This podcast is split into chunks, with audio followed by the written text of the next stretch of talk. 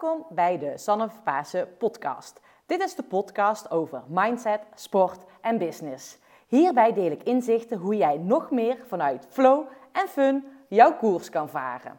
Veel luisterplezier.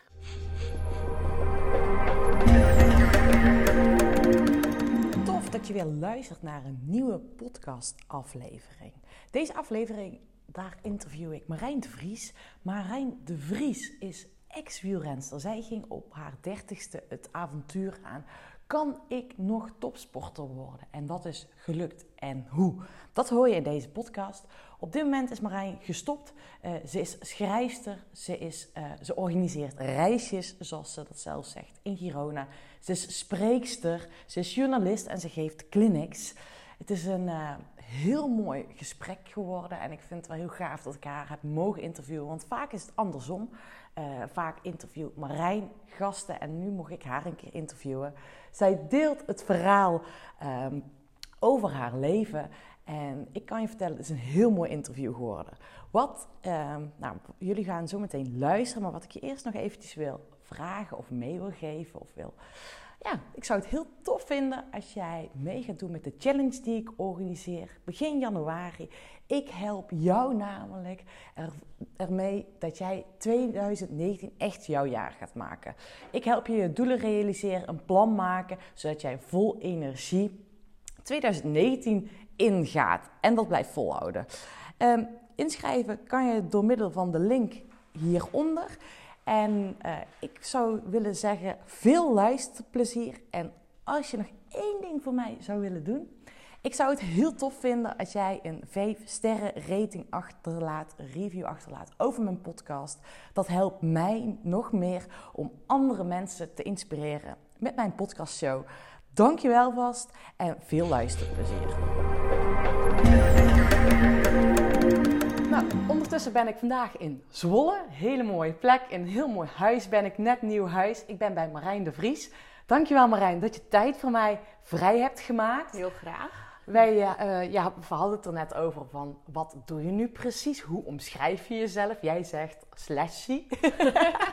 ik kreeg laatst van iemand een, uh, een artikel toegestuurd. Uh, het is kennelijk in Amerika al een vrij bekend begrip. Mm -hmm. Maar als je heel veel dingen combineert, wat eigenlijk steeds meer mensen doen, dan zou je jezelf een uh, slashje kunnen noemen van de slash. Dus ik zou dan kunnen zeggen, ik ben columnist, slash dagvoorzitter, slash organisator van fietsvakanties. Het is eigenlijk niet zo goed onder één noemer te vangen wat ik nou nee. eigenlijk doe. Het centrale thema is wel sport en dan met name fietsen. Yeah. Um, maar ik doe er heel veel verschillende dingen mee. En ja, ik vind al die verschillende dingen heel leuk. Dus um, er zijn ook wel mensen uh, hier in Nederland, met name mensen met echt een goede baan, die wel eens tegen me zeggen van ja, maar moet je niet nou gewoon een keer een serieuze baan nemen? En denk nou, ik die heb niet. jij. Ik vind het heel leuk wat ik doe en ik verdien er mijn geld mee en ik ben er heel gelukkig mee. Dus ja, uh, ja prima. Ja, maar dat zie ik ook aan je. Weet je, je straalt. En, um, en de reden waarom ik ook hier zit is en dat ik het heel gaaf vind dat je gewoon je eigen pad bewandelt. En dat niet zozeer is het pad van de ander of wat andere mensen van je verwachten, maar dat je volgens mij, wat ik kan zien, echt je eigen hart volgt. Ja. En uh, ik denk dat dat ook hetgene maakt waarom je succesvol bent en waarom je goed bent in wat je doet. Ja, nou ja, ik, uh, ik denk dat wel. Ik denk dat uh, uh, veel mensen die, die, die kiezen als ze gaan studeren toch een studierichting en daarna een beroep waarvan je goed kunt leven. Maar ik denk dat als je iets gaat doen wat je heel leuk vindt, ehm, dat je daar goed in wordt en dat je er daarna goed van kunt leven. Ja. Dus ik draai het liever om. Maar dat heb ik ook door de jaren heen uit moeten ja. vinden. Ja. Nou, daar ben ik zo meteen nieuwsgierig naar hoe je dat hebt uitgevonden. Maar eigenlijk de eerste vraag waar ik altijd met iedere podcast mee begin... is aan mijn, uh, aan mijn gasten te vragen... Van waar krijg jij het meeste energie van? Um, ja, ik denk toch uh, van mooie dingen met mensen delen. Dat klinkt heel algemeen. Um, maar dat loopt ook wel centraal door alles wat ik doe. Uh, de fietsvakanties die ik organiseer, die vind ik zo ontzettend leuk. Omdat ik het geweldig vind om mensen de regio te laten zien waar ik altijd trainde toen ik uh, nog uh, wielrenster was. de columns die ik schrijf, daar heb ik ook echt wel voor mezelf, toen ik daarmee begon, voorgenomen om te proberen altijd iets positiefs in te schrijven. En soms heb ik wel een hele sterke mening, is die misschien niet per se positief, maar ik probeer altijd iets constructiefs bij te dragen. Eh, ik vind dat er heel veel cynisme is in de wereld. En eh, nou, ik probeer toch, uh, voor zover dat binnen mijn mogelijkheden ligt, een beetje tegengas te geven. presentaties, dagvoorzitterschappen. Ik vind het heel leuk om met mensen bezig te zijn. Om vaak na zo'n dag het gevoel te hebben dat, dat ik mensen verbonden heb. En dat ze geïnspireerd zijn geraakt door elkaar. En door wat er allemaal verteld is. Um, dus dat, ja, dat verbinden en, en uh, mensen een positief gevoel geven, dat, dat vind ik heel mooi. Daar krijg ik inspiratie van zelf. Zo, ja. gaaf om te horen. En dat is natuurlijk ook heel mooi, hè? want waar je mee bezig bent, je schrijft gewoon heel sterke verhalen of columns, zoals je het noemt. Uh, maar ook op de, tijdens die fietsvakanties en die, het stukje dagvoorzitterschap, ja, dan ben je met, ja, je bent echt gewoon mensen ook in beweging aan het laten krijgen. Of ook een stukje, een manier van inspireren is het wellicht. Ja, ja dat, dat, dat hoop ik in ieder geval wel. En ik merkte tijdens mijn carrière al, mijn wielercarrière, toen ik begon met wielrennen, had ik heel erg veel moeite met het feit dat, uh, zeker toen, zeker het vrouwenwielrennen, uh, ja, voor wie doe je dat? Mhm. Ik ben toch wel opgevoed uh, met het idee dat dat je als volwassene iets zou kunnen bijdragen aan de wereld. En dat wilde ik ook altijd graag. Dus ik ben als een soort van idealist journalistiek gaan doen. En uh, heel naïef de arbeidsmarkt opgekomen met... Uh, nou, misschien kan ik met mijn verhalen wel de wereld een beetje veranderen. Nou, dat blijkt uiteindelijk heel relatief. En toen ging ik wielrennen. En dat vond ik echt het ultieme egoïsme eigenlijk. Want dat deed ik echt alleen maar voor mezelf. Mhm. Eh, het, het, kwam niet op tv. Dus het was niet zo dat er mensen van konden genieten. Um, ik hielp er niemand mee. Ik, ik vond het eigenlijk alleen zelf leuk. Ja. En gaandeweg, omdat ik dus best wel laat ben begonnen... en die verhalen heb gedeeld over hoe je dat nou doet uh, op je dertigste... begon ik reacties van mensen te krijgen... van dat ze dat inspirerend vonden... en dat ze door mij ook een stap hadden durven nemen waarvan ze aanvankelijk hadden gedacht dat ze dat niet durfden. En ik vond dat echt het grootste compliment dat je kunt krijgen. Dat je blijkbaar toch door iets heel egoïstisch te doen mensen kunt inspireren. Um, en uh, ja, ik, ik, merkte dat dat me heel erg triggerde. Dus daar ben ik ook wel mee verder gegaan. Om te kijken van nou, hoe, kan ik mensen inspireren en hoe kan ik ze in beweging krijgen. Maar dat is eigenlijk wel mooi. Want je zegt net, hè, ik wil eigenlijk, hè, ik had als missie toen ik journalistiek begon te studeren, van ik wil de wereld verbeteren ondanks dat je een egoïstische keuze hebt gemaakt tussen aanhalingstekens. Want ja, in mijn ogen is het niet egoïstisch, maar is het gewoon je eigen pad bewandelen. Maar voor je gevoel voel, ja. voelde dat wellicht zo, hè? omdat je dat misschien vanuit huis uit meer hebt gekregen. Nou ja, ik wil een arts maakt mensen beter. Uh, een bouwvakker bouwt een huis voor een ander. Maar wat doe je als wielrenner? Ja, ja, nou ja. ja, fietsen, omdat je het zelf leuk vindt. Nou ja, dat vond ik heel egoïstisch. Maar uiteindelijk ben je dus gaan schrijven en heb je daardoor andere mensen weten te inspireren. En net begon je al uh, op het begin van dit gesprek van, joh, ik heb het wel moeten ontdekken. Um, wat bedoel je dan met dat ontdekken? Heeft dat mede hiermee te maken dat je je eigen pad hebt gekozen? Um, nou, ik kwam dus als uh, jonge journalist best wel uh, wereldbestormend de arbeidsmarkt op. En ik kwam erachter, ik werkte bij de publieke omroep, uh, dat het een heel bureaucratische wereld is. Dus ik was 23 denk ik en ik kwam bij, bij de radio en bij de tv terecht. Ik heb heel veel verschillende banen gehad. En daar werd tegen mij gezegd, nou hartstikke leuk, lief jong meisje, hier is je bureau, daar staat een telefoon. Ga daar de komende 15 jaar maar zitten en dan mag je wat onderwerpjes nabellen. En dan, als je goed genoeg bent, mag je misschien verslaggever worden. Dus dan mag je je eigen verhalen maken. En dat oh, vond ik zo vreselijk frustrerend. Uh, ik was echt heel ambitieus. Um, dat werd eigenlijk niet heel serieus genomen. Dus ik liep bij elke werkgever totaal tegen de muur op. En uh, ik raakte daar super gefrustreerd van. Um, en toen heb ik uiteindelijk uh, via een ex heb ik, uh, een racefiets gekocht. Hij fietste ook. En ik merkte dat op de fiets dat ik, uh, dat ik die frustratie een beetje kwijt kon. Ik denk dat mensen die fietsen dat wel herkennen. Ja. Um, ik, sowieso, dit werk wat ik nu doe zit ook heel erg in mijn hoofd. en als ik dan ga fietsen, dan de eerste drie kwartier, dan zit ik nog heel erg in mijn hoofd. En op een gegeven moment lijkt het net alsof, er, alsof de stopper afgaat. En alsof ik mijn ogen echt open doe. En dan dan verdwijnt al dat gedoe in mijn hoofd. En dan kan ik om me heen kijken en genieten en kom ik tot rust. Dus dat was eigenlijk mijn eerste ervaring met de fiets. En vervolgens kwam ik er ook nog achter dat ik uh, blijkbaar heel hard kon fietsen. Um, ik deed maar wat. Maar uh, zo gauw ik met mensen ging fietsen, al vanaf het begin zei ze zo, je fietst echt heel hard en daar moet je wat mee doen. En ik dacht alleen maar, ja, ik was toen 8, bijna 29. Uh, als je nog wedstrijden wil gaan wielrennen, ik wist ook wel, was maar één niveau. En daar fietste Marianne Vos, uh, die was toen natuurlijk op haar hoogtepunt. Uh, en, en de rest van, van die goede meiden, ja, dat kan je niet zomaar eventjes mee gaan doen. Maar ik vond het wel heel gaaf om zo hard te kunnen fietsen. En ik merkte eigenlijk ook al snel dat ehm, die ambitie die ik had, dat die op de fiets wel bevredigd werd. Want als je aan sport doet, en zeker aan topsport, er zal niemand tegen je zeggen van... hé, hey, doe jij eens even rustig Ja. aan. Of eh, Daar is je bureau. daar is je bureau. The sky is the limit. En ik vond het zo'n lekker gevoel. Klopt. Ehm, dus eindelijk werd dat gevoel van, van nou ja, die brandende ambitie... dat, dat werd een beetje bevredigd. Eh, en dat heeft me ook wel heel erg getriggerd om ermee verder te gaan. Mhm. Ehm, en, en, en te kiezen voor... Ja, ik dacht van hoe, ga ik, hoe pak ik dit nu aan? Dus ik, ik dacht, misschien moet ik gewoon een, een list verzinnen. Als ik in korte tijd erachter wil komen of ik nog wat kan bereiken op de fiets... eh, dan moet ik misschien mijn andere skills ook inschakelen. Dus als ik nou als journalist er een project van maak... dan kom ik ook heel snel bij de juiste mensen terecht. Super cool. En, Geniaal. ehm, nou, dat was ook zo. ja. Ik heb zelfs ook nog Leontien van Moorsel eh, gebeld voordat ik, of gemaild voordat ik eh, begon met het project Kun je nog topsporter worden op je dertigste. Ja. En gezegd van joh, ik fiets net en iedereen zegt dat ik heel hard fiets. En nou, ik wil eigenlijk wel wedstrijden gaan rijden. En ze had toen een UCI-ploeg. Maar goed, er werd natuurlijk, Niet op ik kreeg een heel nette reactie. Maar er werd natuurlijk Ja. om gelachen van ja, weet je, er Ja. zijn honderden meiden die bij ons in de ploeg willen. En dan komt er daar eentje aan. Maar toen ik als journalist contact zocht en zei van nou, dit is mijn project en eh, mag ik je een keer interviewen? ging ook echt over, moet je niet op je dertigste gewoon huisje, boompje, beestje, kinderen krijgen zoals iedereen en niet nog zoiets geks willen? Zoals je nu hebt? Nee, grapje. Op een veertigste. Ja. Ehm, maar toen zei ze van, oh wat leuk en kom anders een keer met onze ploeg mee trainen. Want ik had eigenlijk nog nooit met vrouwen gefietst, zeker niet met vrouwen die wedstrijden rijden.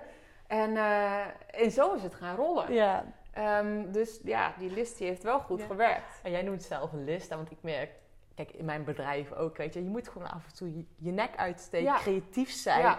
uit je comfortzone komen. Of, nou, ik weet niet per se of het uit je comfortzone komen is, maar anders doen dan alle Ja. anderen. En op het moment dat je een droom hebt en je wil er achteraan gaan, dan is het de enigste manier om in beweging te komen, Ja. om ook iets te doen. En jij hebt gewoon die stap gezet door creatief te zijn en gedacht, oké, hoe kan ik dit nu het beste doen? Ja. En eh, ja, wel heel tof dat je gewoon op die manier, en dit is ook denk ik ook voor de luisteraars wel heel gaaf om te horen, dat op het moment dat, dat mensen een droom hebben, eh, zet gewoon die stap. En de eerste keer wordt die afgeketst. Ja, wacht ook niet meteen en stop er ook niet mee. Neem een volgende stap. En ja, hoe cool is het? Je zat daar, je ging mee trainen Ja. met de dames van Ja. de ploeg. Wat gebeurde er toen? Eh, ze hadden een trainingsweekend eh, op de Rotterberg. Eh, een deel van de selectie was naar een wereldbekerwedstrijd. En een ander deel was daar aan het trainen. En ik kwam daar aan met mijn aluminium fiets met een triple en mountainbike pedalen. En ik weet echt nog heel goed dat Michael Zeilaert, de man van Leontien, zei... Zo, heb jij daar voor kachelpijpen? Die meiden deden natuurlijk allemaal prachtige carbonfietsen en hele mooie tenues. En het zag er allemaal niet uit dat ik... eh, wat ik bij me had. Maar eh, we gingen tien keer de motieweg op voor mensen die fietsen en de Hottenberg wel eens gefietst hebben. Dat is toch echt wel pittig, tien keer de motieweg. En daar eh, ja, was ik sneller dan de meeste meiden van haar ploeg.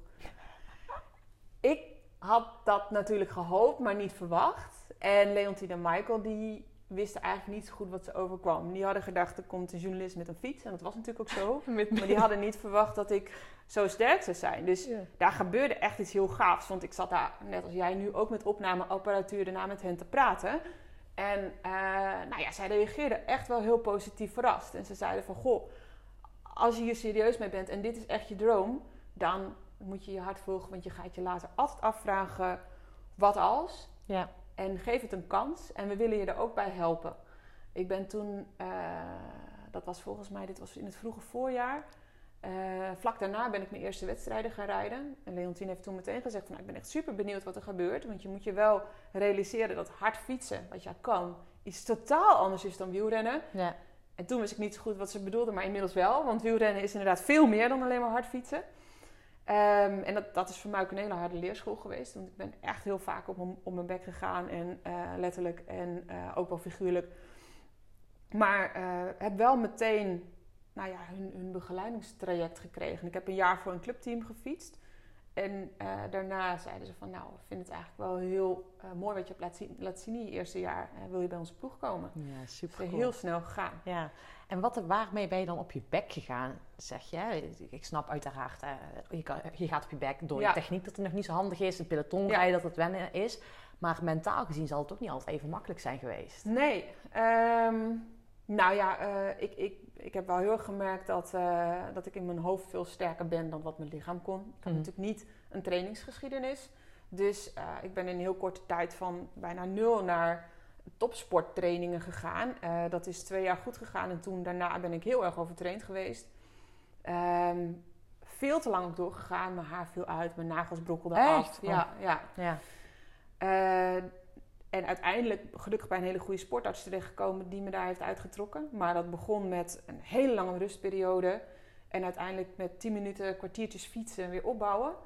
Eh, dat heeft best wel lang geduurd voordat ik weer eh, fysiek helemaal sterk was.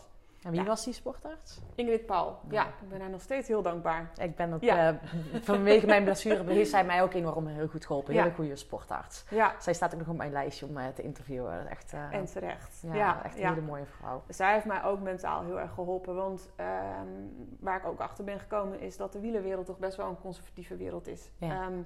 Als jij iets doet wat niet binnen het plaatje past, en ik deed natuurlijk iets wat totaal niet binnen het plaatje paste, Ja. dan zijn er best wel veel mensen die daar meteen een oordeel over hebben. Nou ja, daar, daar dacht ik van, daar kan ik alleen maar van laten zien dat ik hier wel thuis hoor. Maar er zijn ook mensen die eh, je niet geloven, het je niet gunnen, eh, eigenlijk willen dat je ophoepelt. Ja. En die mensen die ben ik helaas ook tegengekomen. En dat waren dan ook ploegleiders die beslisten over eh, nou ja, wat ik wel en niet reed. Over mijn eh wielerleven. Ehm, en dat is echt heel moeilijk geweest. Daar heb ik wel een paar jaar echt eh, heel moeilijk mee gehad. Dat, eh, dat ik onder een ploegleider reed die totaal niet in mij geloofde. En die echt helemaal niets met me wilde. En die eigenlijk alleen maar zei van... eh, je kunt er beter mee stoppen, want het slaat nergens op wat je doet en je kan er geen reet van. En Ja, je denkt oh. toch niet dat ik je überhaupt voor iets ga selecteren. En ehm, nou, gelukkig had ik toen Ingrid, die me ook heel erg is blijven inprenten. Luister, je bent goed. Je laat in de wedstrijden die je wel rijdt zien dat je het wel kan. Eh, dat die ploegleider het niet wil zien, ja, dat, dat- daar kun jij nu niks aan doen. Je kan alleen maar eh, doen wat je wel kan. En ik weet nog wel dat op een gegeven moment het moment kwam... Ik wilde heel graag naar de Giro voor vrouwen. Ja. Maar daar wilde de hele ploeg naartoe. Ja.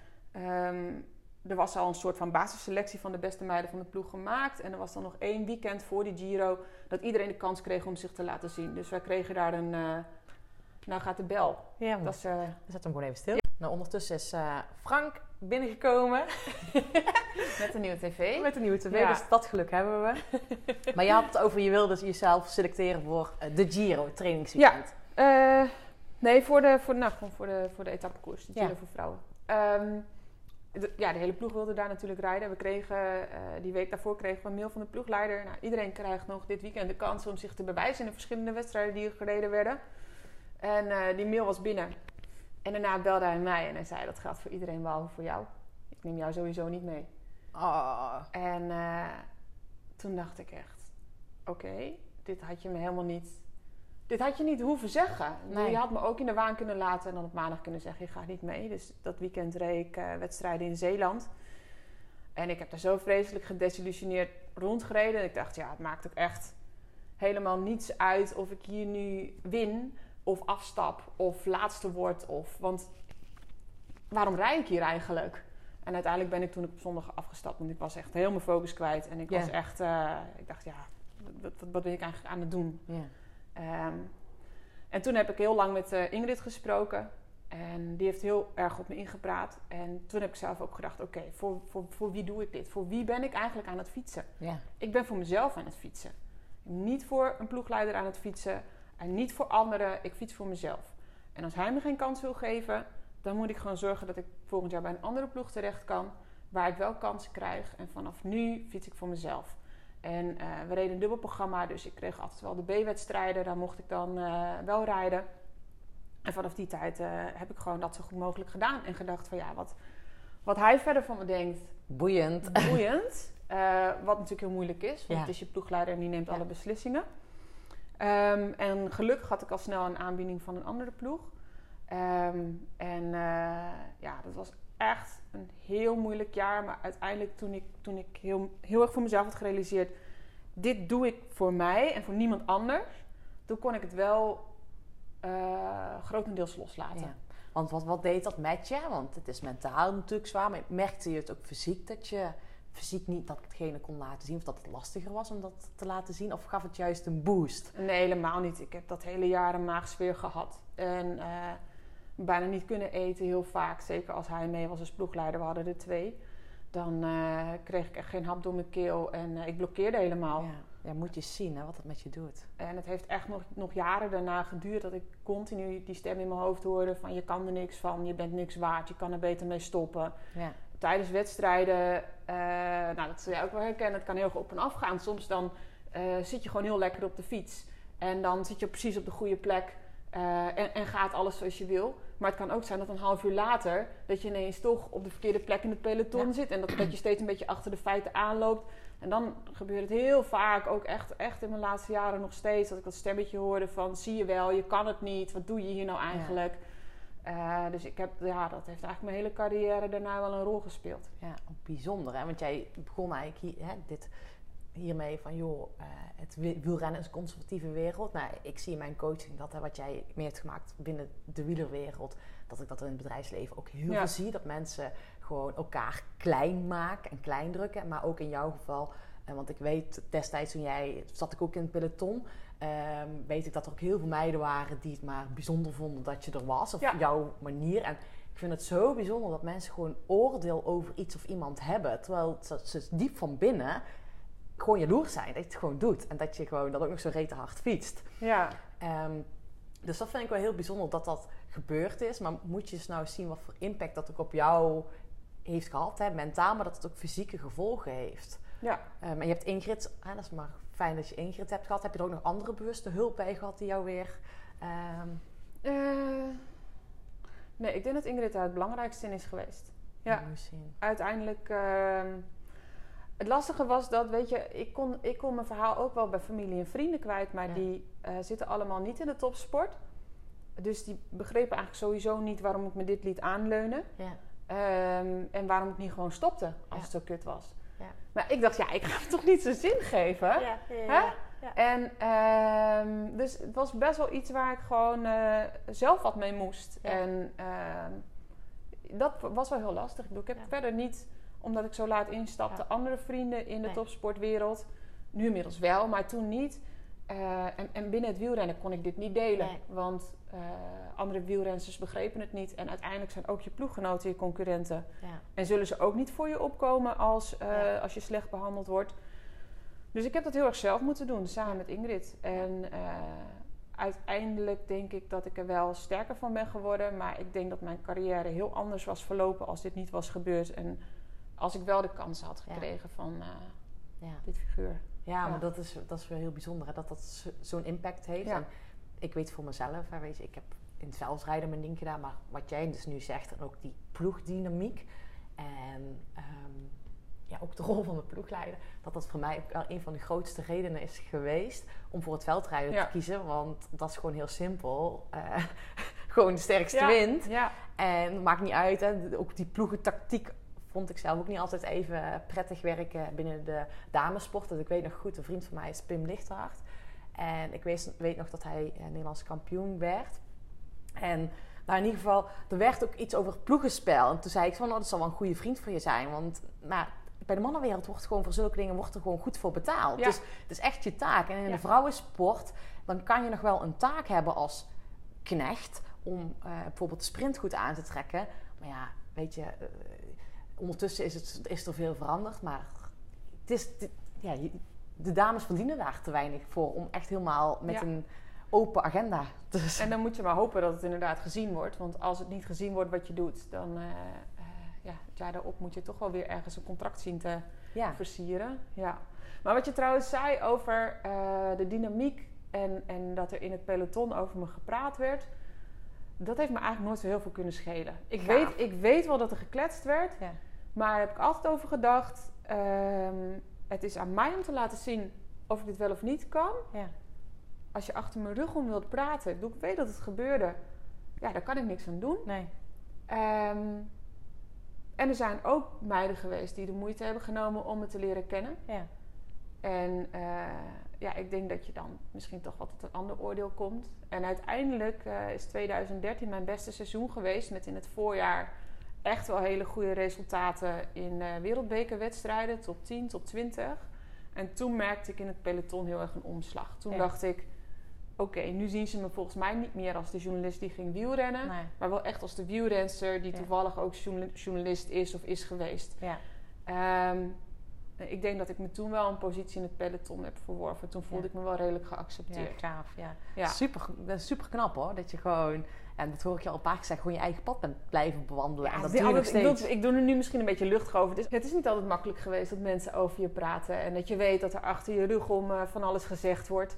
Ehm, dus eh, ja, dan wil ik ook niet eh, te veel bagatelliseren. Nee. Maar uiteindelijk, ehm, ja, voor mij bleef toch voorop staan dat ik het Ja. voor mezelf deed. En ehm, ja, vond ook niet dat ik mensen het genoegen moest gunnen om eh, ze te laten zien dat ik me daar heel erg door liet beïnvloeden Nee. of zo. Maar wat ik, wat ik mooi vind en wat ik, eh, daar ben ik zelf in ieder geval bewust mee bezig. En wat ik ooit zeg, weet al, makkelijke keuze.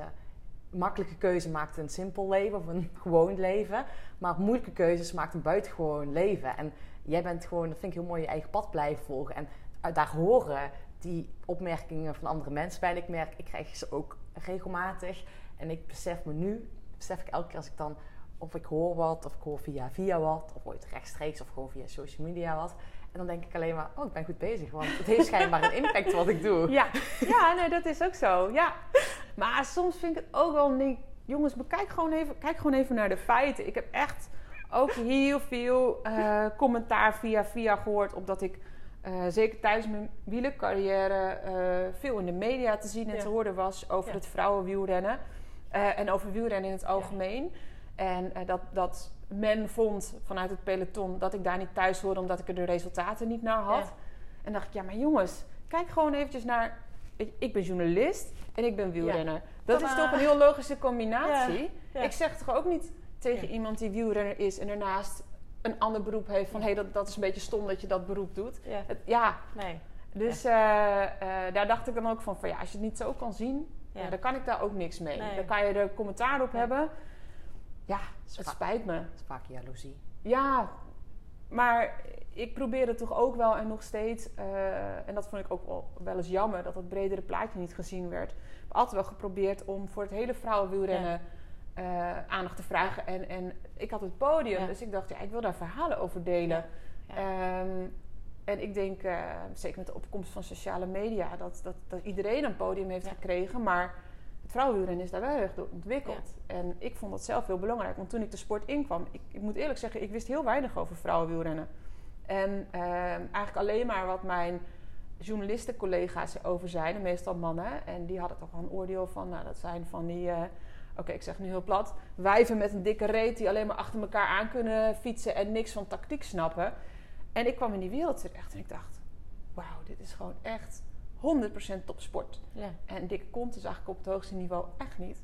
En ik begreep gewoon niet hoe het kwam dat daar zo weinig oog en zo weinig aandacht voor was. Dus het was ook wel een journalistieke constatering dat ik dacht: hier moet gewoon meer aandacht voor komen. Ja. Dus dat heb ik toen ook wel gevoeld als een soort van missie. Van Ja. ik vind dat deze vrouwen een podium verdienen. En ik kan ze die misschien wel geven doordat ik als journalist heb geleerd hoe ik verhalen moet vertellen. Dus dat heb ik Ja. tijdens mijn carrière altijd geprobeerd. Ja. En eh, nou, dat vond ik wel eens jammer dat mensen dat niet zagen dat ik het eigenlijk voor ons allemaal deed. Ja, maar ik vind het super mooi hoor. Ik mag je echt trots op zijn dat je hè, ja, die missie hebt uitgedragen en op, op jouw manier zo, ja, waar je het op het begin zei, de wereld mooier hebt gemaakt. ja, dat vind ik wel heel mooi dat je dat gewoon hebt gedaan. Want je hebt uiteindelijk ook, dat weet ik nog goed, eh, de, acht, of de acht van Drenthe, in Drenthe de Wereldbeker, Ja. je volgens mij achtste Ja. geworden. Ja, super mooie prestatie. Ja. En als je nou eens terugkijkt, hè, want je bent ondertussen drie jaar geleden gestopt. Waar ben je nu het meest trots op? Op die wedstrijd. Op die wedstrijd? Ja, ja. ja. Ronde van Drenthe was... eh, nou ja, ik ben geboren in Drenthe, dus het ging echt door mijn geboortegebied. Ehm, het is sowieso, denk ik... eh, ik heb ook wel wat wedstrijden gewonnen, maar dat waren kleinere wedstrijden. Ik denk dat het mijn beste prestatie ooit was. Eh, het was het jaar nadat ik bij die nare ploegleider vandaan kwam. En de Ronde van Drenthe was een wedstrijd waar hij altijd van zei... Daar was hij het meest uitgesproken over... Daar kun je helemaal niets van. Daar heb je niets te zoeken. Dat is alleen maar duwen en trekken. En eh, je denkt toch niet dat ik je daar ooit voor ga selecteren. Reken er maar niet op dat je die wedstrijd ooit rijdt. Dus ik was heel zenuwachtig die dag. Het was heel slecht weer. Het was echt super koud. Natte sneeuw, heel harde wind. Dat weet ik ook nog. ja. Ik, ik denk dat misschien maar twintig ren- rensters die wedstrijd hebben uitgereden omdat het zo bar en boos was. En ja, dit is, ik denk dat het mijn enige koers is geweest waarin ik echt, wat ze dan die sportersflow noemen, waar ik echt in die flow zat. Ik heb het geen moment koud gehad. En het was, nou ja, ik, dat gevoel dat zou ik nog wel eens willen hebben. Ik kan het gewoon niet omschrijven. Ik voelde me zo goed. En ik weet de laatste keer onderaan de Vanberg. Ik zat gewoon nog bij het eerste groepje. Ik wist, Marianne Vos die gaat zo aanvallen. Ik moet zorgen dat ik daarbij ben, dat ik in haar wiel zit. En ik zat in haar wiel. Ik kon uiteindelijk niet met haar demarage mee. Maar ik kwam wel met de eerste over de Vanberg. En toen reed ik daar midden tussen de oud-ploeggenoten van het jaar daarvoor. Uh, die allemaal zeiden: Wauw, jeetje Marijn, wat tof dat je erbij zit. Die had natuurlijk ook wel gezien dat ik echt een heel moeilijk jaar had, had gehad. En uiteindelijk gun je elkaar dat ook niet. Ook al ben je elkaars concurrent. Dus die vond het gewoon heel leuk dat ik daarbij zat. En uiteindelijk vind ik, ik daar als achtste.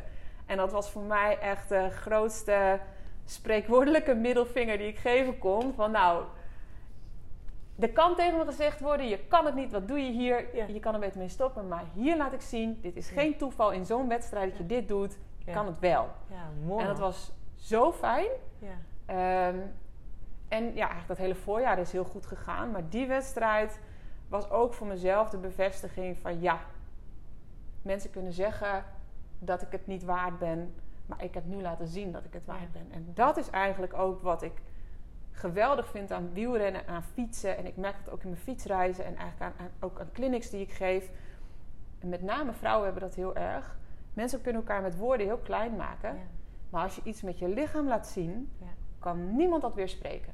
En je kan het zelf kan je het niet klein maken in je hoofd, want je hebt het gedaan en je hebt het laten zien. En dat was voor mij echt zo'n groot stuk zelfbevestiging. En ik denk ook dat, dat dat precies is wat het wielrennen me in zijn algemeenheid heeft gebracht. Ik heb iets gedaan waarvan ik nooit had gedacht dat ik het zou kunnen. Daar ben ik heel zelfbewust en zelfverzekerd van geworden. Ik ben natuurlijk niet altijd zelfverzekerd, maar het heeft heel erg uh, bijgedragen aan: oké, dit ben ik en dit kan ik.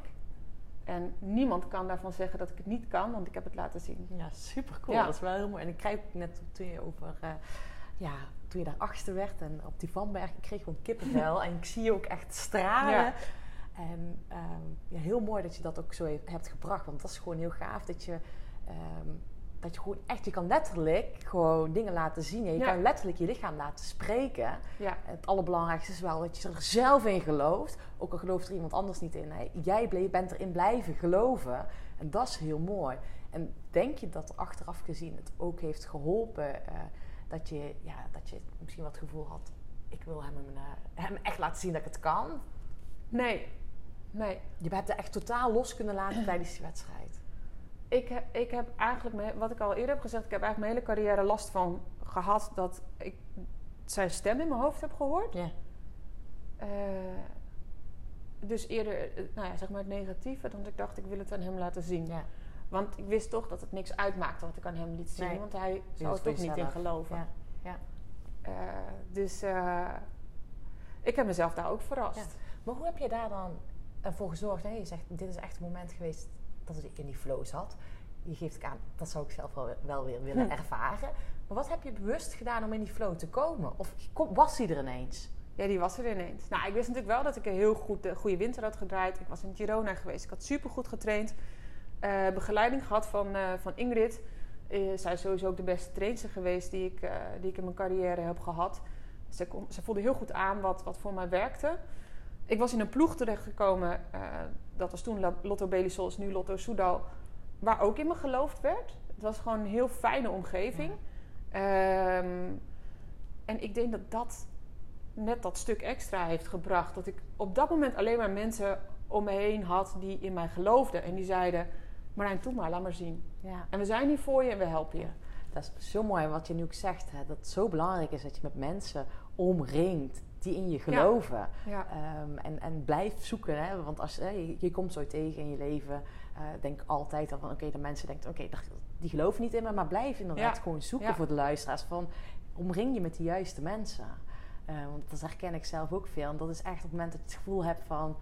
ga maar gewoon lekker fietsen. Doe maar gewoon waar je goed in bent. Dat, dat geeft zo'n vrij, vrij. Want ik denk dat je toen op dat moment ook echt een vrij gevoel hebt. Ja, het is echt fantastisch. Ik weet ook nog heel goed, uh, nou ja, dat moment van die laatste keer over de Vanberg, dat ik, uh, dat de ploegrijder reed er natuurlijk achter. En uh, we hadden oortjes en hij was echt een baken van rust. Het was natuurlijk, die koers was een chaos. Er waren alleen maar valpartijen. Was, nou, slecht weer. En Ja. het, ja, het was echt gewoon eh bruut. En hij was een baken van rust in mijn oor. Ook, oké, maar nou, je kan dit. Eh, je weet dat je goed bent. Schuif Oh. nog even een beetje naar voren. Hij kon me niet precies zien in het peloton. Ja. Als je er nog niet zit, daar is nog een bochtje waar je naar voren kunt schuiven. Het, ja, het was gewoon eigenlijk voor, het- voor het eerst in mijn wielercarrière dat, dat ik merkte dat, dat iemand me op die manier helpen wilde. Ja. En ja, ik heb daar, ik, ja, kan het echt nog, eh, nog letterlijk uittekenen. Ik heb er zulke heldere herinneringen Ja. aan ook. Het is echt eh, ja, een van mijn mooiste ervaringen, die Ja. hele wedstrijd. Ja. Ja, maar dat is ook wel mooi dat je het nu zegt door de aanwijzingen in het oortje. De wielrenners eh, mochten we, ik weet niet of dat nu nog alle wedstrijden is, maar mochten we toen met oortjes In rijden. de wereldbekerwedstrijden, ja. En eh, dat het heel veel uitmaakt hoe iemand Ja. tegen je praat. Want als hij wellicht destijds tegen je had gezegd... Oh, de, bijna die Van Berg komt eraan, waar zit je? Hè? Dat maakt iets heel Ja. iets uit van Marlijn, Marijn, je kan het. Ja, Zometeen komt er nog een bocht. Ik weet niet of je er zit, maar zometeen Ja. kan je nog schuiven. Dat is zoiets Ja. anders. En dat dat zoveel vertrouwen geeft. Het is Ja. zo bizar. ja, ik heb wel echt in die periode ook heel veel lessen geleerd over bijvoorbeeld het verschil tussen mannen en vrouwen in de sport. Mhm. Ehm, en dat merk ik ook in mijn fietsreizen en in clinics. Eh, mannen moet je inderdaad een schop onder hun kont geven. En, en misschien ook in hun oortje naar voren schelden bijna. Ja. En vrouwen, dit is wel een beetje generaliserend, maar vrouwen moet je eigenlijk juist zelfvertrouwen geven. Die Ja. moet je juist zeggen, je kan het, maak je geen zorgen, het komt allemaal goed. Als je daar op een negatieve manier eh, coaching aan geeft, dan de meeste vrouwen die, die slaan daarvan dicht, die worden er onzeker van en die presteren juist niet. Eh, zo zit ik zelf ook in elkaar. En ik vind het toch wel opvallend dat veel ploegleiders in het vrouwenwielrennen, dat zijn mannen, dat die dat gewoon niet zien of niet Nee. accepteren of niet. Ik vind het ook zo zonde voor het vrouwenwielrennen, want eh, zij kunnen hun rensters zoveel meer brengen als ze op een wat positievere manier zouden coachen, omdat dat nu eenmaal een betere methode is voor vrouwen dan dat ze het op de manier doen zoals ze zelf Ja. gewend waren gecoacht te Ja. worden. Ja. Eh, dus ja, ik denk dat daar echt ook nog wel een wereld te winnen is. Ja, ja, daar ben ik het helemaal van mee eens. Want ehm, sowieso, ik denk dat iedereen dat heeft. Maar sowieso als topsporter zelf ben je eigenlijk altijd van nature onzeker. Ja. Want je bent aan het streven naar iets hogers, naar iets meer. En eigenlijk wil je, althans had ik heel erg iedere dag bevestigen, ik kan het nog. Weet je, anders Ja. je maar gewoon als je een rustweek. Ik weet niet hoe je dat ervaren, de rustweek of even rust. Ja, dat, dat is eigenlijk een stukje wel iets wat ja, ooit wel eens onzekerheid oproept. Ja, want eigenlijk wil je doortrainen. Ja, Ja, altijd. Ja. Altijd, ja. En nou ja, na dat jaar van overtraindheid eh, ben ik daar wel veel bewuster van geworden. En durfde ik ook makkelijker rust te nemen. Maar eigenlijk had ik wel altijd mijn trainer nodig die tegen me zei... Weet je, misschien moet jij gewoon nu even rusten. Ik durfde zelf die beslissing nooit te nemen. Nee. Ja, Ja, bijzonder is Ja. dat. Hè? En ik zie in mijn coaching die mensen tegenkomen gewoon die in, gewoon in het bedrijfsleven werken, ook ambitieus zijn en die ook nog fanatiek sporten. En ja, ook, ook zij lopen daarmee rond. Na Ja. een drukke daan moeten ze nog trainen omdat eh, ze voor zichzelf een doel hebben gesteld. Ja, dan moet je nagaan dat wij daar destijds al iemand voor nodig hadden. En het, als je nog in, traint in combinatie met een drukke baan, is ook zo bijzonder. Dat, Ja. eh, dan is het ook heel belangrijk om af en toe die rust terug te nemen. Ja. Want vervolgens, na dat moment, hoe lang heb je toen nog gekoerst? Eh, nog drie seizoenen. Ja, Ja. Drie seizoenen. Ja. En eh, uiteindelijk, hè, je bent, heeft dat mee daaraan bijgedragen? Want nadat je gestopt bent met koersen, ben je aan je heup geo- geopereerd. Had je daar de laatste periode van je carrière last van, van je heup? Ja, heel erg. En eigenlijk was dat wel een... eh, ja, 2013 was dan mijn beste seizoen. Maar ik merkte toen ook al wel wat kleine klachten. Ehm, en in die twee, drie jaar daarna is dat echt heel snel erger geworden. Ik blijk geboren met eh, heupdysplasie. Dat is een, een afwijking dat de kop van je bovenbeen niet goed in de heupkom valt. Mhm, mhm. Ehm, en als dat niet gecorrigeerd wordt, dat kan bij, bij baby's kan het gecorrigeerd worden. Als dat niet gebeurt, dan eigenlijk vanaf het begin dat je begint met bewegen, eh, slijt dat al. Want dan komt dat tegen elkaar aan in plaats van dat het er soepel doorheen loopt. Ja. Ehm, je ziet wel eens baby's met, ze noemen dat een spreidbroekje. Ja. Die hebben zo'n broekje aan en worden de benen gespreid. En dan, dat zorgt ervoor dat die, dat die heupkom goed over de kop heen groeit. Eh, dat had bij mij ook moeten gebeuren. Alleen dat is bij mij niet, dat is er tussendoor geglipt, kennelijk. En eh, ja, dat is dus bij mij heel hard gaan slijten. Mhm. En achteraf gezien, ik heb er natuurlijk veel over gesproken met de orthopeed. Die zei ook van ja, het wielrennen heeft er niet per se heel erg toe bijgedragen. Het is ook niet eh, slecht geweest. Ehm, ja, had waarschijnlijk sowieso op jonge leeftijd een nieuwe heup moeten hebben. Want je bent een actief persoon en dan was wel iets anders geweest. Ja. Een andere sport. Ja. Ehm, maar ja dat, is, ja, dat is natuurlijk wel extra zuur dat je dan vervolgens zo'n klacht krijgt. Als Ja. je eigenlijk gewoon eh, net een soort van doorbraak hebt gehad in het wielrennen. Ik heb er eh, tijdens mijn carrière nooit over gesproken. Ik hou niet zo van mensen die na wedstrijden altijd maar excuses verzinnen waarom ze niet goed gepresteerd hebben. Dus ik ben daar. Nee, ik heb dat nooit als reden aangegrepen waarom ik niet eh, eh, presteerde naar mijn eigen verwachtingen. Maar eh, ja, in de jaren daarna ging het wel langzaam bergafwaarts. Mhm. En eh, eigenlijk was op het laatst het enige wat ik nog kon was fietsen. Ik kon eigenlijk niet meer lopen. Ik eh, eh, kon niet goed slapen omdat ik liggen heel veel pijn deed. Staan deed pijn, zitten deed pijn. Ehm, ik had mezelf een heel raar loopje aangeleerd om een beetje pijnvrij te kunnen lopen. En als ik dan ging trainen, dan duurde het vaak een half uur voor de boel weer een beetje warm was. En dat er wat smeerolie tussen zat voor mijn gevoel. Oh. En dan kon ik wel weer fietsen. Maar als je de hele dag pijn hebt, dat kost onwijs veel energie. Ja. Dus daar gingen mijn prestaties ontzettend van naar beneden. En het laatste jaar dat ik nog gekoerst heb, dat was bij, eh bij Park Hotel. Ik heb echt nog wel wat mooie prestaties neergezet. Ook nog wel wat gewonnen. Maar het was voor mij wel... eh, ik wist dat het mijn laatste jaar ging zijn vanwege mijn heupklachten. Ja. En dat was een heel bewuste afscheid. En in dat jaar is het ook wel echt heel snel slechter geworden. Mijn laatste wedstrijd was toen eh, Holland Ladies Tour. Die heb ik met heel veel pijnstilling gefietst, echt veel.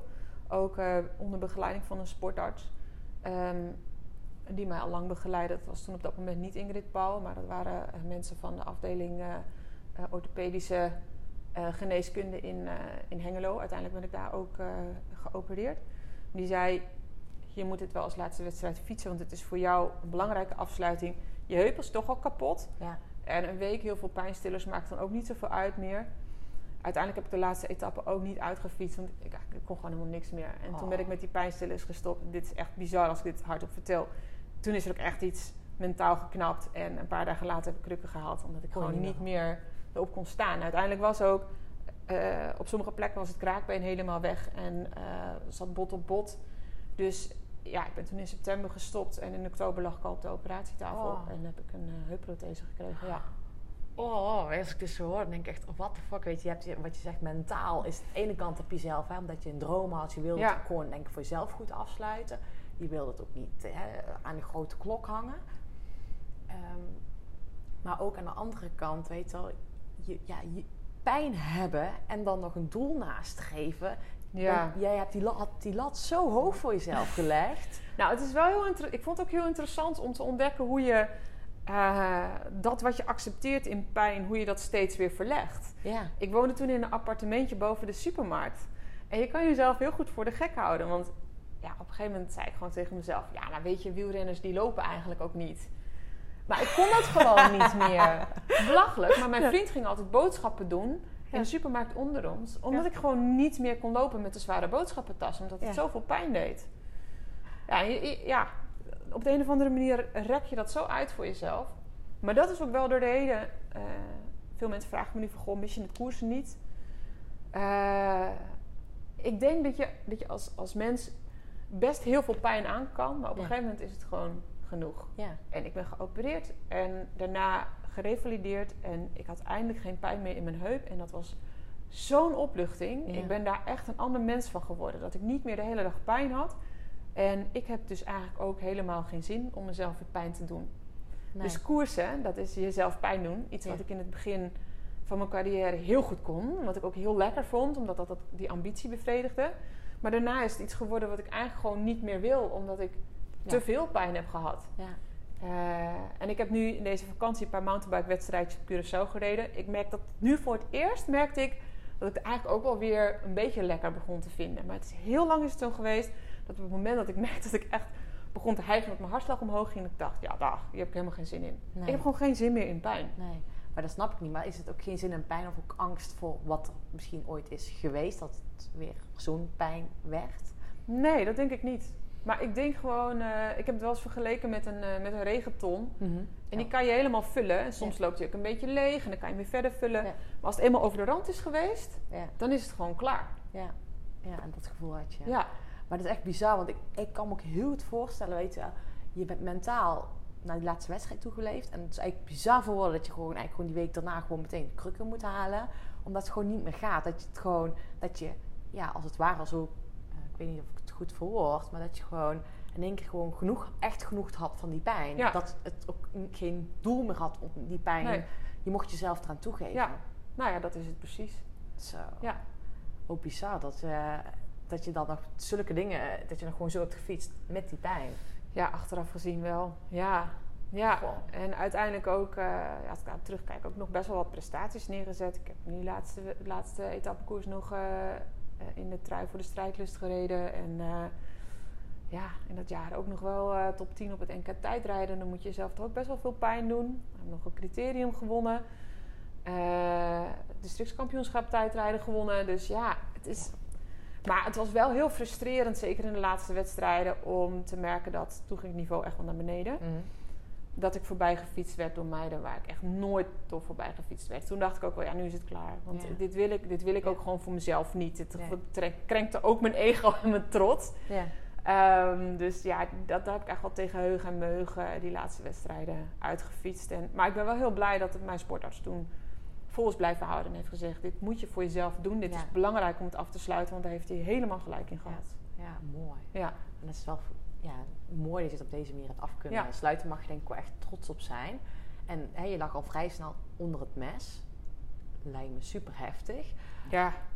ja. Vond je het ook spannend? ja heel spannend. Ehm, tot op het laatst toe heb ik eigenlijk ook wel getwijfeld: van, is dit wel een goede keuze? Maar er was geen andere keuze, want ik Nee. kon gewoon niks meer. En ehm, nou, toen wisten we ook al wel dat we best wel graag een kindje wilden. Maar ik zag dat gewoon niet voor me met mijn heup. Ik wist niet hoe Nee. ik een kind zou moeten dragen en nog zou moeten functioneren. En dan vervolgens dat dat kind geboren is. Je moet toch meer gaan lopen dan Ja, en dragen. en dragen. Ja. Ehm, dus ik was ook...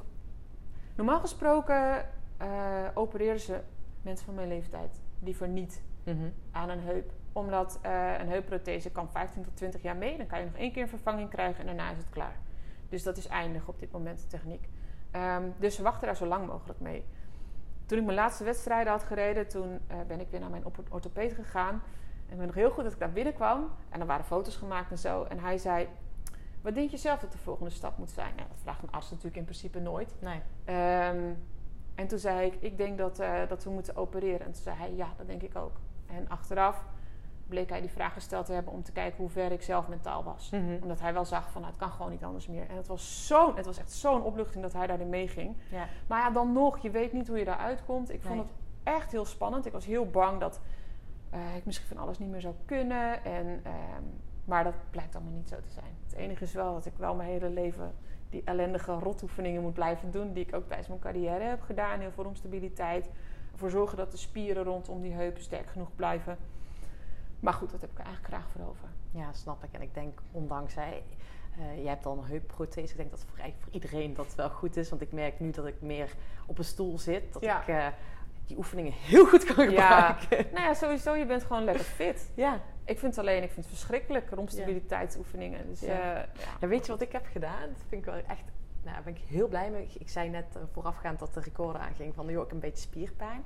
Ik zat een beetje van, ja, ik weet dat ik het goed eigenlijk nodig heb. Ik heb volgend jaar ga ik best wel een extreme triathlon doen. Dus ik, dan is mijn core heel belangrijk voor blessurepreventie. Toen dacht ik, hoe ga ik dit aanpakken? Want ik liep met hetzelfde. En nu, ik zit bij een triathlonclub. En toen had ik bedacht, oké, als ik nou iemand inschakel voor, voor deze krachtoefeningen, voor core stability training.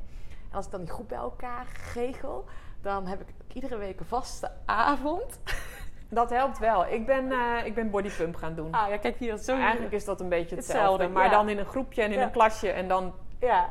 kan je moeilijk eh, ondertussen stoppen. Ja, maar dat is wel, dan heb je inderdaad die, die, die groep om je heen. En dat is wel heel erg ja, en makkelijk, want om hier thuis, ja, ik snap dat je dat. ehm, Verschrikkelijk. ja. Maar uiteindelijk, hè, want jij, eh, jij bent geopereerd, uiteindelijk weer gaan revalideren. Hoe ging dat? Eh, razendsnel. Ja, omdat je al Ehm, fit was. ja, ik, nou ja, in eerste instantie ging het iets langzamer dan bij eh, eh, normale mensen die geopereerd worden aan hun heup. Want dat zijn toch vaak oudere mensen die niet super fit zijn. Tenminste, die niet net een topsportcarrière achter de rug hebben. Bij mij was dat wel zo. En uh, ik werd, nou, ik was niet onder narcose, het was met een ruggenprik. Maar ik, de verdoving die was op een gegeven moment uitgewerkt, die ruggenprik. En ik had echt zo'n bil. En ik had echt zo, nou, was, de pijn was echt echt hels. Uiteindelijk hebben ze me ook weer aan een morfinepomp gelegd omdat het allemaal niet ging. Toen kwam de chirurg langs en die zei: Ja, zegt hij, het was ook wel lastig, want je had wel erg veel spieren daar. Dus had hij met heel veel geweld uit elkaar moeten trekken, want ze snijden niks door, maar ze trekken het aan de kant. Uh, hij zei, nou, de operatie heeft ook langer geduurd dan gemiddeld, omdat dat gewoon allemaal zo gespierd en zo ja. uh, strak was. Um, maar toen die zwelling eenmaal minder werd, toen is de revalidatie echt heel snel gegaan. Ehm, en ik denk ook dat het me wel heel erg heeft geholpen dat ik nog steeds die topsportmentaliteit had. En heel lang ben doorgegaan met fysiotherapie en met al die oefeningen. Want je ziet toch wel vaak dat mensen in, in een revalidatie, als ze alles wel weer een beetje kunnen stoppen met oefeningen, omdat die gewoon niet leuk zijn. Ja. En ik ben heel lang doorgegaan en ik kan eigenlijk alles op dit moment. Uh, er wordt van heel veel dingen gezegd die, die, je beter niet kunt doen als je een uh, heupprothese hebt. Ik ga niet hardlopen bijvoorbeeld. Ik wil hem wel zo lang mogelijk goed houden. Maar uh, ja, ik, kan, ik word verder niet beperkt. En ik kan zoveel fietsen als ik wil. En uh, nou ja, mijn zwangerschap is hartstikke goed gegaan. Dus ja, ja, dat is ook, dat is ook nog heftig voor je. ja, dus uh, ik denk dat het heel erg heeft geholpen dat ik echt nog als een topsporter heb gerevalideerd. Wat ook heel interessant was, was uh, ik had een, een wattagemeter met in beide pedalen een metertje. Dus ik kon precies zien in ja. hoeverre mijn rechterbeen, dat was mijn rechterheup, weer sterker werd. Ik wilde natuurlijk dat het gelijk werd. Dus die wattagemeter heeft me heel erg geholpen. Ik begrijp eigenlijk niet waarom fysiotherapeuten er niet meer mee werken. Want je kan er heel veel mee. Je kan zelfs per spiergroep zien wat het, wat het verschil is tussen links en rechts. Oh, dat is echt geniaal. Ja, ja dus uh, daar heb ik heel veel aan gehad. En uh, nou, ik merk eigenlijk pas nu, het is nu drie jaar later, dat ik echt wel uh, gedisciplineerd daarmee bezig moet blijven. Want als ik het even laat verslappen, dan wordt het ook wel wat minder. Dus ik ben het nu allemaal wel weer netjes aan het oppakken. Jij, jij bedoelt de oefeningen dan? Oefeningen en uh, ja. En ook op wattage trainen? Nee, ik heb die wattagemeter niet meer. Maar oefeningen zijn wel echt belangrijk. Ja, ja, ja. ja. Nee, daar was ik wel even nieuwsgierig naar. Want sinds ik bijvoorbeeld gestopt ben... Nou, hoe vaak ik nog een hartslagmeter om heb gehad... Dat is echt... Misschien twee keer. Ik nam mijn revalidatie nooit meer. Nee, ik heb alles weggedaan. Ik rij nooit meer met een, uh, met een metertje. Nee. Uh, ik neem wel altijd Strava op, maar op mijn telefoon en die heb ik in mijn zakje. Yeah. Maar ik, ik, fiets alleen nog maar omdat ik het leuk vind en op gevoel. En uh, nee, het interesseert me echt niet hoe hard ik fiets. Nee, dat mooi is dat ik heb precies hetzelfde. En dan, ik doe nog wel af en toe van die, ja, ik wil je ook net zeggen, ik, ik wil toch wel leuk af en toe een wedstrijd. Ik doe af en toe wel wat runbike runs of triathlon adventure races. En elke keer sta ik te kijken denk ik, bizar dat ik nog het is zo leuk vind en dat ik nog zo hard ga en ik train niet. Ja, nee, maar vaak is dat ook wel, tenminste, dat, dat, dat hoor je heel vaak als, als, als topsporters dan gestopt zijn. Dan nemen ze eindelijk rust. Ja. En dan ineens gaan ze toch echt nog een paar hele goede prestaties neerzetten. Dus dat zegt ook wel genoeg over de, dat topsporters eigenlijk nooit genoeg rust durven nemen. Ja. ja, dat is eigenlijk heel logisch. En ik ben daar nu ook heel erg in gaan verdiepen. Ook een stukje parasympathisch, sympathisch zenuwstelsel. En um, dat is al een stukje het zenuwstelsel wat mhm. actief is in rust en in, onder stress. Maar ik denk op het moment dat je ook te vaak traint omdat het moet en omdat je een schema volgt, volgt je te veel in die sympathicus. Waardoor je eigenlijk al te veel stress opbouwt in je lichaam. En dat zie ik gewoon heel veel verkeerd gaan. Dat is ja, wat je zegt, daarom is die rust ook zo belangrijk. Maar ben ik wel nieuwsgierig naar, want je bent ondertussen moeder van Merel. Ja. Hoe oud is Merel nu? Uh, eh, 14 maanden. 14 maanden. Oh, wat leuk man. Dat je gewoon moeder en... Uh, ja, ik zie ook allemaal een mooie speelgoed. Uh. ja, het is echt een uh, kinderhuis geworden, ja. Ja, leuk. Dat gaat vanzelf dan, hè? Ja, want jullie zijn net, wat je doet, je zei het net al... met Slessie dat je ook fietsvakanties organiseert. Dus je bent net een maand in Girona geweest. Ja. En vervolgens zijn jullie drie weken op vakantie geweest naar Amerika. En Curaçao, als ik het goed heb. Ja. ja, dat was echt te gek. Ja. Zo. Want uh, die fietsvakantie, wat, wat doen jullie dan precies? Uh, nou, toen ik stopte met wielrennen, uh, toen heb ik het ook met mijn vriend Frank over gehad. Ja, ik ga nu echt niet elke winter, de hele winter in Nederland zitten. Dat lijkt me vreselijk, want ik trainde altijd in Girona. Het is echt een prachtige omgeving om te fietsen. En een hele fijne stad om te zijn. Dus tijdens mijn carrière heb ik ook wel eens een lang weekend in Girona georganiseerd. Gewoon voor vrouwen die het leuk vinden om te fietsen. En toen hebben we besloten om, uh, om echt uh, nou, wat serieuzer met die reizen verder te gaan. In eerste instantie alleen voor vrouwen. Omdat, uh, nou ja, waar we het net al over hadden, vrouwen zitten toch een beetje anders in elkaar dan mannen. En als je het hebt over de recreant, dan mannen die op zondagochtend gaan fietsen, die, die doen ze landa bij wijze van spreken. En die willen bij elk bordje sprinten en die willen koersen op de openbare weg. En vrouwen die willen gewoon lekker samen fietsen. En die willen kletsen en die willen koffie drinken met appeltaart erbij. Dit is ook heel gechargeerd, want je hebt natuurlijk verschillende types in. Maar het is wel een andere manier van fietsen. En er, op het gebied van fietsreizen is superveel aanbod. Maar zeker toen ik hiermee begon, uh, was er niks speciaal voor vrouwen. En voor veel vrouwen is toch de drempel heel hoog om met een groep mannen mee te gaan. Omdat ze niet de langzaamste willen zijn. Vaak zijn ze daar ook te bang voor, want vaak zijn ze niet eens de langzaamste. En omdat ze geen zin hebben in die uh, nou ja, toch wat meer testosteron mentaliteit. Uh, dus daarom zijn we met die vakanties voor vrouwen begonnen. En dat viel eigenlijk vanaf het begin uh, in erg goede aarde. en inmiddels hebben we er ook vakanties voor mannen en vrouwen aan toegevoegd. En dan met name gericht op stellen die wel samen willen fietsen, maar een groot niveauverschil hebben.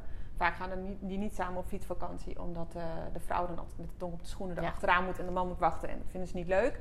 En wat wij dan doen is, we bieden per dag drie verschillende varianten op een route aan. En dan uh, proberen we koffie samen te drinken en samen te lunchen. En vaak lukt dat oh, ook. Cool. Dus je hebt dan toch uh, dezelfde vakantie, maar elk je eigen sportieve uitdaging. Ja. En uh, dat werkt echt heel goed. Ja.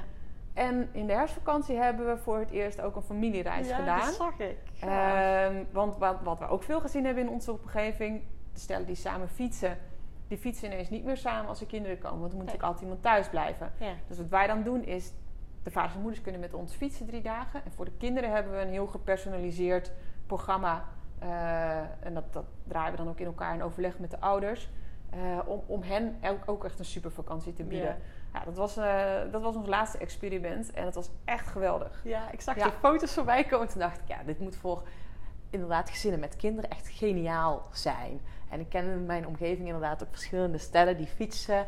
Dan gaat eh, op zaterdag de man fietsen en op zondag de vrouw Ja. fietsen. Ja. En eh, of ze, op vakantie gaan ze om de beurt fietsen. Dan denk ik, oh, ik fiets altijd met mijn vriend samen. Altijd. ja. Ik zou het verschrikkelijk vinden als wij dus op vakantie zouden moeten gaan als we kinderen hebben. Dat we altijd apart moeten. Ja. Lijkt me, ja, dat is dit, jullie oplossing natuurlijk geniaal. Ja, ja, ja, we waren ook heel benieuwd hoe dat zou gaan. Want van het fietsen weten we inmiddels alles. Want we, hebben hier, nou, we doen dit nu voor het, dadelijk voor het vierde jaar. Dus we hebben inmiddels best wel veel ervaring. Ja. Ehm, maar ja, het kindergedeelte was natuurlijk spannend. Ja. Grappig is wel, we hadden het- dit idee al heel lang. Ja. En eh, nog nooit uitgevoerd. Omdat vorig jaar eh, was ik net bevallen. En het jaar daarvoor kwam het er niet van in de herfstvakantie. Maar we merken nu ook wel, omdat wij nu zelf een kind hebben... dat mensen ook op de een of andere manier iets meer vertrouwen hebben... in dat we dat goed regelen. ja. Anders hadden we het ook precies zo geregeld. Maar op de een of andere manier toch dat gevoel, denk ik, van... oh, ze weten nu in ieder geval zelf hoe belangrijk het is... dat het voor Ja. het kind goed is geregeld. Dus je geloofwaardigheid is gestegen omdat je zelf een kind hebt. Kennelijk. Ja, ja. Maar eh, nee, het was echt heel leuk. En wat, wat wij gewoon heel erg merken is... we proberen al die vakanties toch een beetje via de vrouw in te steken. Ja. Want als die eenmaal over de brug is... Ja. de man wil altijd wel fietsen. Ja, dat zeggen, dat zeggen heel veel mensen. Weet je, de vrouw moet gewoon altijd over de brug en dan... Ja. En bij die voor de vrouwenvakanties, de- die doen we ook nog steeds. We hebben Ja. inmiddels nu ook eentje voor eh, nou, de wat gevorderde vrouw. Ja. Beginner is echt beginner. Dus het Ja. minimum eis die we stellen is met klikpedalen kunnen fietsen. Ja. Verder niets. Ja. Verder komen ze in Girona ook overal wel mee, want het is echt geen moeilijk terrein. En dan eh, doen we nu ook een wat gevorderde reis. Maar dat laten we ook altijd door alleen maar vrouwen begeleiden. Dus we hebben eh, best wel ehm, gepersonaliseerd. We hebben kleine groepen, en veel gidsen.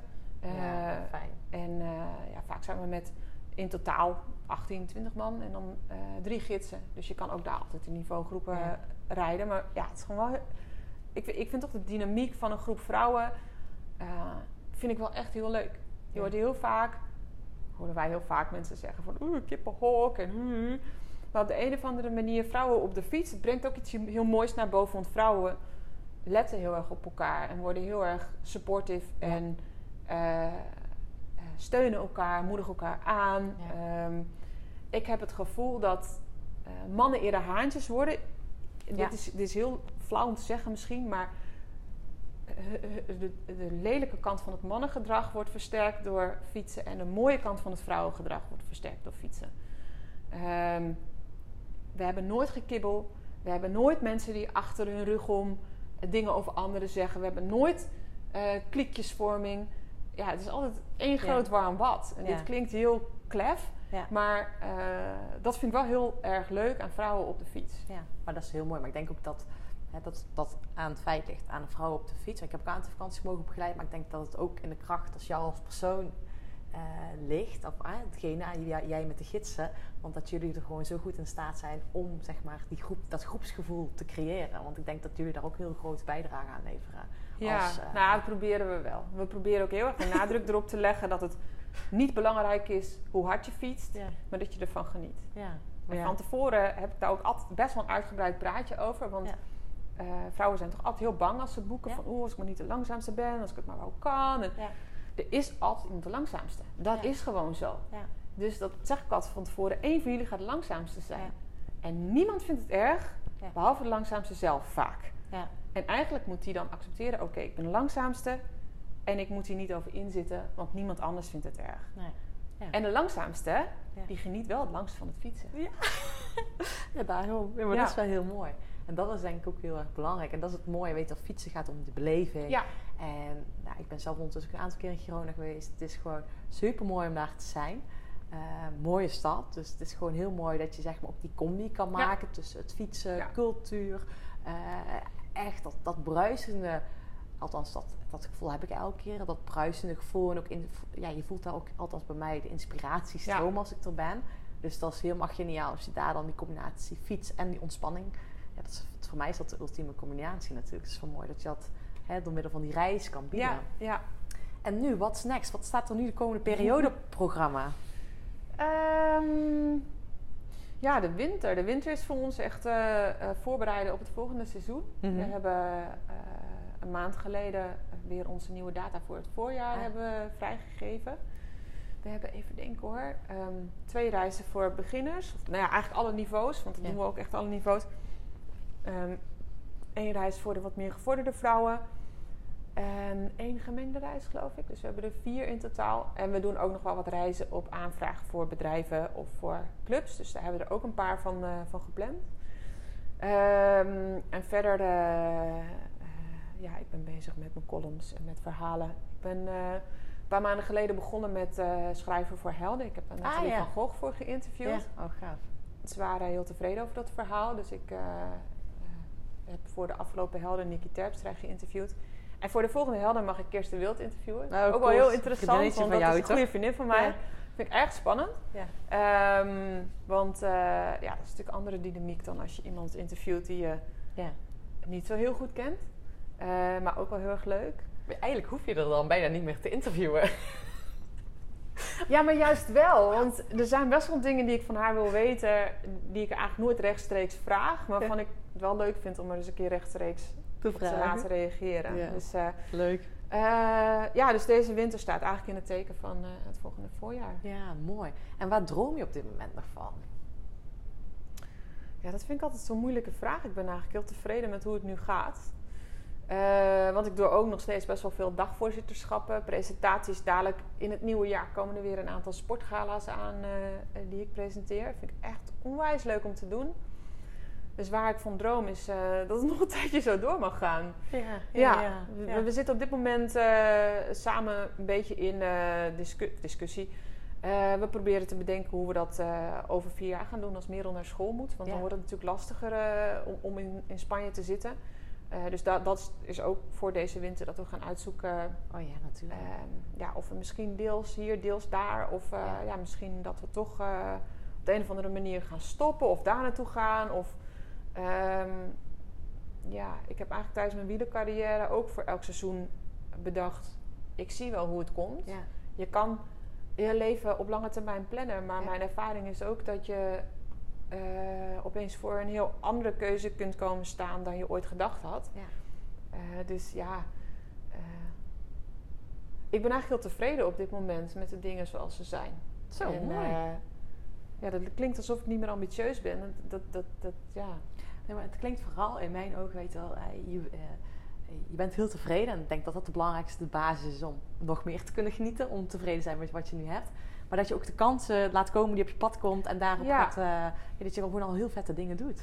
Nou ja, en wie weet komt er ooit wel eens een keer een aanbieding van een vaste baan. En dan ga ik dat doen, een Ja. tijdje. Ik, eh, ik sta eigenlijk overal wel open voor. Het enige wat we nu wel echt aan het doen zijn, is eh, we proberen wel eh, eh, onze fietsreizen naar een, een, iets hoger plan te tillen. Er komt een website aan. We willen eh, kleding ook ontwerpen. We merken heel erg dat de mensen die met ons meegaan, dat die toch echt een soort van groepsgevoel houden. Ja. Eh, er blijft altijd een groepsapp bestaan. En eigenlijk van al onze reizen zien we dat mensen contact houden. En we willen eigenlijk die mensen ook met elkaar verbinden. Ja. Dus we willen ook eh, volgend jaar kijken of we wat events in Nederland kunnen organiseren. Ja, of we toch nou ja, die, die community een beetje meer nog samen kunnen pakken. Het zijn toch mensen die fietsen op dezelfde manier beleven, die om die reden met ons meegaan. Ja. Dus we denken dat het heel leuk is om, eh, om ze ook met elkaar in contact te brengen en te laten. Ja, Ja. gaaf. Mooi is dat. Ja, maar dat is ook denk ik wel heel leuk. Want ik weet, eh, ik heb zelf een aantal mountainbike-vakanties georganiseerd. En ik weet ook dat sommige mensen vinden het spannend. En ik deed dat wel eens vooraf ook gaand. Gewoon even zo, wie zijn we? Samen een keer gaan fietsen. En eh, ja, dat zijn zo leuke dingen. Als je Ja. in Nederland al weet dat het de vakantie in Nederland al begint te voorpret. Dus dat is wel heel cool. Of achteraf nog een keertje een evaluatie. Of een, een, Ja. een, eh, ja, na, na-ride. Ja, in ieder geval een keer eh, samen zijn. Dat lijkt me ook heel tof. Ja, Ja, leuk. dus nee, dat, daar, zijn we, daar zijn we nu druk plannen voor aan het maken. Dus ik denk wel dat de fietsvakanties de komende jaren eh, een belangrijke rol blijven spelen. Maar goed, aan de andere kant, misschien stoppen we er over vier jaar ook wel mee. Ja, dat weet je niet. Ja. Nee, Laat zien wat de kleine je gaat brengen, toch? Ik bedoel, ja, misschien zit je over vier jaar wel gewoon helemaal in Spanje. You never know. zou ook kunnen. Ik denk dat de opa's en oma's daar niet blij mee zijn. Nee. Het zou ook betekenen dat ik helemaal afscheid moet nemen van de dingen die ik hier doe. En dat, vind ik Ja. ook dat zou ik erg jammer vinden. Ja. Dus, eh, nou ja, we zien het wel. Ja, nou mooi. Mooi toch dat het open ligt en dat je gewoon ook mooi eh, om je verhaal zo te horen. En ook, ja, ik vind het gewoon heel erg gaaf. En dat is ook mede de reden waarom ik dus hier ben. Dat je gewoon je eigen pad volgt en dat je vooral je, je eigen hart, maar ook jullie hart achterna gaat. En dat je, ik vind het mooi om te horen dat je, dat je dat doet en dat het ook gewoon open staat hoe het mag gebeuren. En ik eh, ben heel benieuwd wat het jullie gaat brengen. Ja, ik ook. En dankjewel voor alle lieve woorden, want ik vind ik ook wel echt heel gaaf. Ja. Ja, ja, dat mag ook gezegd worden. Ehm, ik heb, we hebben het er al over heel veel dingen gehad. Maar wat ik normaal gesproken doe, is eigenlijk... eh, we sluiten af met een paar vragen of een paar zinnen die je af mag maken. Dus Ja. ik eh, ga je nog eventjes een paar, ja, een paar zinnen voorleggen. Ik geloof in... Eh, ik geloof in eh, mensen aan elkaar verbinden. En dat daar mooie dingen uitkomen. Ah, daar ben je mooi mee bezig. Ja, nou, dat vind ik echt het mooiste wat er is, denk ik. Ja. Mooi. Ik wens de wereld... Eh, ik wens de wereld iets meer oog ook voor die mooie dingen. De, de mooie dagelijkse dingen, daar stappen we soms veel te snel overheen. En er is dan veel te veel aandacht voor cynisme. Terwijl, nou ja, wat ik ook vertelde over dat, dat op de fiets na drie kwartier altijd het gevoel heb dat mijn ogen open gaan. Ehm, dat wens ik de wereld. Dat je toch iets vaker ziet hoe mooi eigenlijk alles is. Mooi. En daarbij stilstaat. Ja. ja, want dat zei je net, hè? dat vergeet ik eh, bijna eh, om terug te komen. Je zei heel mooi hè, dat je vaak op de fiets zit en vooral toen tijdens je carrière, dat je na drie kwartier eigenlijk als het ware een stop uitgaat. Ja, Dat je in één keer in één keer alles Ja, van je af laat ja. glijden. Merk je dat nu nog steeds? Ja. ik heb het ook echt nodig, het fietsen.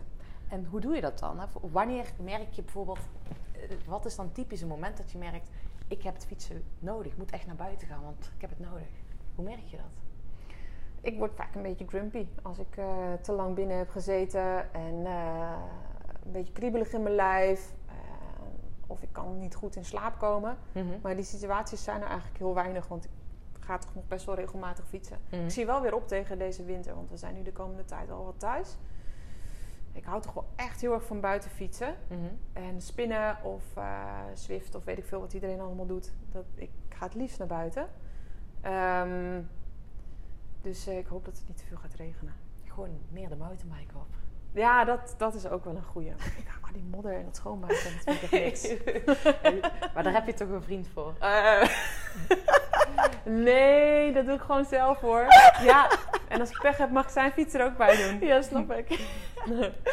ja, maar dat is wel mooi. Maar ik, ik herken wel wat je zegt. Dat je merkt dat je krumpje wordt. Dat Ja. je merkt dat je ja, naar buiten mag. Eh, ik merk ook nu dat ik zelf even moet wennen aan die kou. Maar eh, ik merk dan ook vooral als ik dan ben geweest. Denk ik, oh, zo lekker. Het is ook wel weer lekker als je Ja. helemaal aan het fietsen bent. Ja, We kwamen weer terug in Nederland. Het verschil was 35 graden. Want het was nog 35 graden in gisteren waar we weggingen. En eh, toen we terugkwamen was het 0 graden. En Frank was meteen, "Eh, koud, koud, koud. Ja, het was natuurlijk ook heel koud. Ja. Maar als je je warm aankleedt en Ja. eh, dat frisse gevoel in je gezicht. Ja, ik vind het ook alweer heel lekker. Ja, dat is heerlijk. Ja. Een laatste vraag, of laatste zin die je af mag maken is... Ik ben gelukkig omdat... Eh, ja, omdat ik de dingen doe die ik doe. Ja, en eh, nou, nee, laat ik het zo zeggen. Ik ben gelukkig omdat ik het fietsen heb ontdekt. Mhm. Ik denk dat het fietsen me echt bij mezelf heeft gebracht. Mhm. Daarvoor, eh, nou, ik wil niet zeggen dat ik ontevreden was, maar eh, ik was wel ontevreden over het feit dat ik mijn ambities niet eh, kwijt kon. Mhm. En ehm, ik was ook echt wel iemand die heel onzeker was. En ik ben nog steeds wel onzeker in bepaalde dingen. Terwijl ik weet dat ik zeker heel zelfverzekerd overkom. Nou ja, dat is natuurlijk, maar goed, dat geldt voor iedereen. Maar ehm, al die uren op de fiets, en dat zijn er tijdens mijn carrière honderden en honderden geweest. Het zijn toch uren die je met jezelf door moet brengen. En ik heb gemerkt dat dat een stukje bij beetje gewoon steeds steviger in mijn schoenen heeft gebracht. Je bent heel veel tijd met jezelf door. En, en uiteindelijk is het ook heel veel tijd die je niet altijd nadenkend doorbrengt. Want op een gegeven moment houdt het op. Nou, wat, wat, we het over hadden, die, die, die stop die eruit gaat. En dan ben je gewoon. En dat zijn met jezelf. Andere mensen gaan mediteren of, of weet ik veel, eh, een berg beklimmen. Maar dat zijn met jezelf. Zonder nadenken en zonder oordeel en zonder wat dan ook. Ik denk dat je, dat je heel erg eh, bij je kern brengt. En eh, dat heeft het fietsen me gebracht. Zo Marijn, dat zijn mooie woorden. Diepzinnig, hè? Nee, dat vind ik niet. Ja, het, eh, weet je, ik ervaar precies hetzelfde. Van, doordat je gewoon stilstaat echt bij jezelf. Ehm, en inderdaad, op een gegeven moment ben je gewoon. Je bent gewoon op die fiets. En ik merk ook dat ik dat heel erg doe. Zeg maar van, oké, ik ben gewoon, ik zit hier gewoon. En dat ik ook heel erg geniet. En dat ik daardoor echt elke keer weer terugkom bij mezelf. En dat het zo helpt, omdat we in die waan van de dag ja, onszelf vaak vergeten. Ja. Ehm, dat het heel fijn is dat je je zeg maar weer naar je, je zijn toe kan brengen. Want dat zeg je ook heel mooi. En Ja. dat is heel mooi. Ja. En doe je dat ook nog op andere manieren? Of lukt dat ook op andere manieren dan behalve het fietsen? Nee. Nee. Nee. Ik heb wel een tijdje ook geprobeerd te mediteren, maar dan viel ik altijd in slaap. En voor mij werkt fietsen gewoon veel beter. Ja, Ja. maar dat is wel mooi dat je dat eh, van jezelf gewoon weet. Dat sporten. Ja. ehm, ja, en dan is, denk ik, hangt het denk ik ook nog wel heel erg af op welke manier je sport. Want ik weet niet of je verschil ervaart tussen zeg maar gewoon nu eh, zonder tellertjes, zonder eh, alles gewoon te gaan fietsen. Als dat je echt blokken aan het doen bent en moet een training moet ja, tussen nee, haakjes dit, dat, dat, afgevonden. tijd, dit waren natuurlijk echt de duurtrainingen ook tijdens Ja. mijn carrière die, die, nou, die, dat, die die rust hebben gebracht. Ja. Eh, en dat is nog steeds zo. Ja. Ja. Mooi. Heel mooi. Ik vind het ook wel tof dat je dat, deze ervaring zegt. Want dat is wat ik dus ook mensen leer. Om eigenlijk op de juiste manier te trainen. Om weer naar een gevoel te kunnen gaan. En dat, dat, zeg maar, dat die stop eruit gaat. Dat weer te laten ervaren. En dat dat zo'n fijn gevoel is. Want ja, je glundert er ook helemaal van als je het erover hebt. Ja, ik eh, heb eigenlijk ook de kriebels, want de zon schijnt. En eh, dacht ik al. vanmiddag wel even tijd om te fietsen. Dus eh, ik denk dat we straks wel even een rondje gaan Ja, maken. mooi, Ja. lekker. Ehm, Marijn, ik weet niet, ben ik dingen vergeten te vragen? Nee, ik denk het niet. Ik vond het een heel mooi gesprek. Ja, vond Ja. ik ook. Ja, ik Ja. vond het dankjewel. Graag gedaan. Als mensen nu zoiets hebben van, joh, ze willen met jou mee op reis, of eh, ze zijn nieuwsgierig naar de columns die je schrijft, waar kunnen ze dat vinden? Eh, eigenlijk op alle sociale media. En dat is heel simpel, jouw naam. Eh, op Twitter heet ik, heb ik mezelf ooit Marijn Fietst genoemd. Ja, dat kan je niet meer veranderen, dus dat is het. En Facebook, Instagram, LinkedIn, gewoon Marijn de Vries. Ja. Of op je website, Marijn de Vries. Ja, klopt inderdaad. Die gaat wel vernieuwd worden. En nou, we hebben ook een nieuwsbrief. Twee, drie keer per jaar versturen we die met eh, alle informatie over de fietsreizen. En linkjes daarvan zijn met name op Instagram goed te vinden. Oké, nou, Instagram is het. nou, je maakt ook hele mooie foto's, dus sowieso een aanrader om Marijn daar te volgen.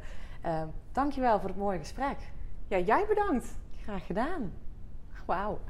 Dankjewel voor het luisteren. Dit was weer echt een tof interview. Ik heb er weer heel veel waardevolle inzichten uitgehaald. Mocht jij nog iets voor mij willen doen, want ik zou het leuk vinden als nog meer mensen naar mijn podcast gaan luisteren, zou ik het tof vinden als je voor mij een uh, review schrijft. En, uh, of deelt op social media. Tag me gerust. En ja, ik vind het enorm leuk om jullie reacties te lezen. Dus dank je wel hiervoor.